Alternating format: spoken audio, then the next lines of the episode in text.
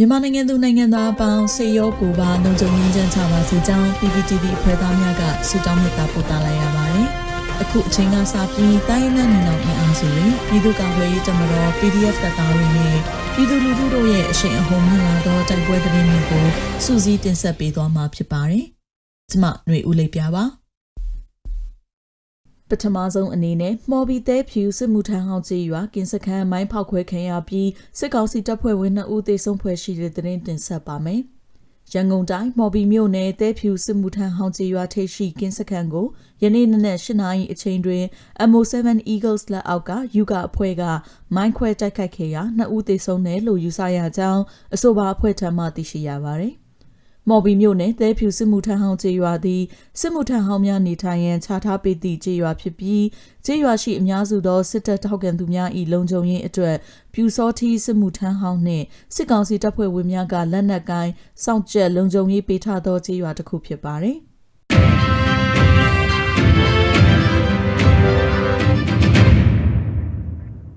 ဆက်လက်ပြီးခရမ်းပိန်ကန်ရဲစခန်းနဲ့စစ်ကားမိုင်းဆွဲတိုက်ခိုက်ခံရပြီးစစ်သားစစ်သည်ဦးသေဆုံးတဲ့အပြင်တောင်အုပ်ကလာရင်စစ်ကောင်စီကိုငွေကြေးထောက်ပံ့နေသည့်ဘားတစ်ခုတိုက်ခိုက်ခံရတဲ့သတင်းတင်ဆက်ပါမယ်။ရန်ကုန်ခရမ်းမြို့နယ်ရှိပိန်ကန်ရဲစခန်းနှင့်စစ်ကားများမိုင်းဆွဲတိုက်ခိုက်ခံရပြီးစစ်ကောင်စီတပ်ဖွဲ့ဝင်စစ်တပ်ဦးသေဆုံးပြီးဗျူဟာမှုတအူးလည်းအပါအဝင်12ဦးပြင်းထန်ဒဏ်ရာရရှိခဲ့ကြောင်း KNPDF ထံမှသိရှိရပါသည်။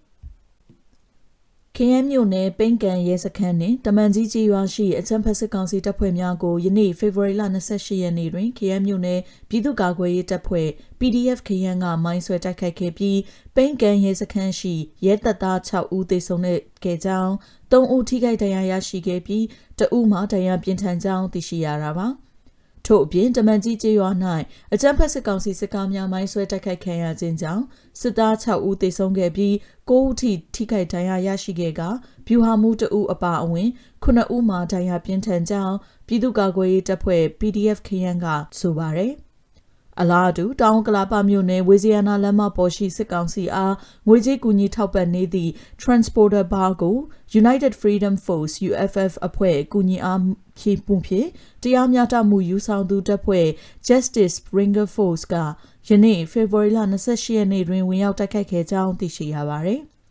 ထို့သောတိုက်ခိုက်ရာတွင်ပြည်သူများထိခိုက်မှုများမဖြစ်ပွားစေရန် မော်ဒယ်ယာဉ်သစည်းသာထိမှန်ပျက်စီးခဲ့ပြီးစစ်ကောင်စီငွေကြေးထောက်ပံ့နေသော night club bar နှင့် KTV များပိတ်သိမ်းရန်ကြိုတင်သတိပေးခဲ့ပြီးဖြစ်ခါပြည်သူများအနေဖြင့်လည်းအဆိုပါ night club bar နှင့် KTV များကိုတောလာခြင်းမပြုရန်မြစ်တာရက်ခံကြောင်း Justice Springer Force တပ်ဖွဲ့ကထုတ်ပြန်ထားပါသည်။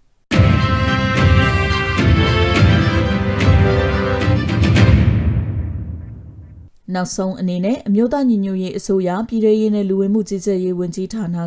2022ခုမတ်လတရက်ရက်စွဲနဲ့ထုတ်ပြန်တဲ့ပြည်သူ့ခုခံတော်လှန်စစ်တရင်ချက်လက်တွေကိုတင်ဆက်ပေးသွားမှာပါ။အာနာသိန်းအကြံဖက်စစ်အုပ်စု၏ပြည်သူလူထုအပေါ်အကြံဖက်ဖိနှိပ်ဖက်စီတိုက်ခိုက်တပ်ဖြတ်နေမှုများကိုပြည်သူလူထုတရက်လုံးကအသက်ရှင်တန်ရေးအတွက်မိမိကိုယ်ကိုမိမိခုခံကာကွယ်ပိုင်ခွင့်အရာပြည်သူ့ခန့်စစ် People Defensive War ကိုဆင်နွှဲလျက်ရှိပါတယ်။ သတင်းချက်လက်များအရ28ရက်2လ2022ရက်နေ့တွင်စစ်ကောင်စီတပ်ဖွဲ့ဝင်59ဦးသေဆုံးပြီးထိခိုက်ဒဏ်ရာရရှိသူ12ဦးထိခုခံတိုက်ခိုက်နိုင်ခဲ့ပါတယ်။စစ်အာဏာရှင်စနစ်မြမမြေပေါ်မှအပြည့်တိုင်ချုပ်ငြိမ်းရေးနဲ့ Federal Democracy တည်ဆောက်ရေးအတွက်ငြိမ်းချမ်းစွာဆန္ဒပြသည့်လူထုတပိတ်တိုက်ပွဲများကပြည်내နဲ့တိုင်းဒေသကြီးများမှာဖြစ်ပွားပေါ်ပေါက်လျက်ရှိပါတယ်။မြေပြင်မှာယခုတွေ့ရတဲ့သတင်းချက်လက်များထက်ပို၍ဖြစ်ပွားနိုင်ပါတယ်ရှင်။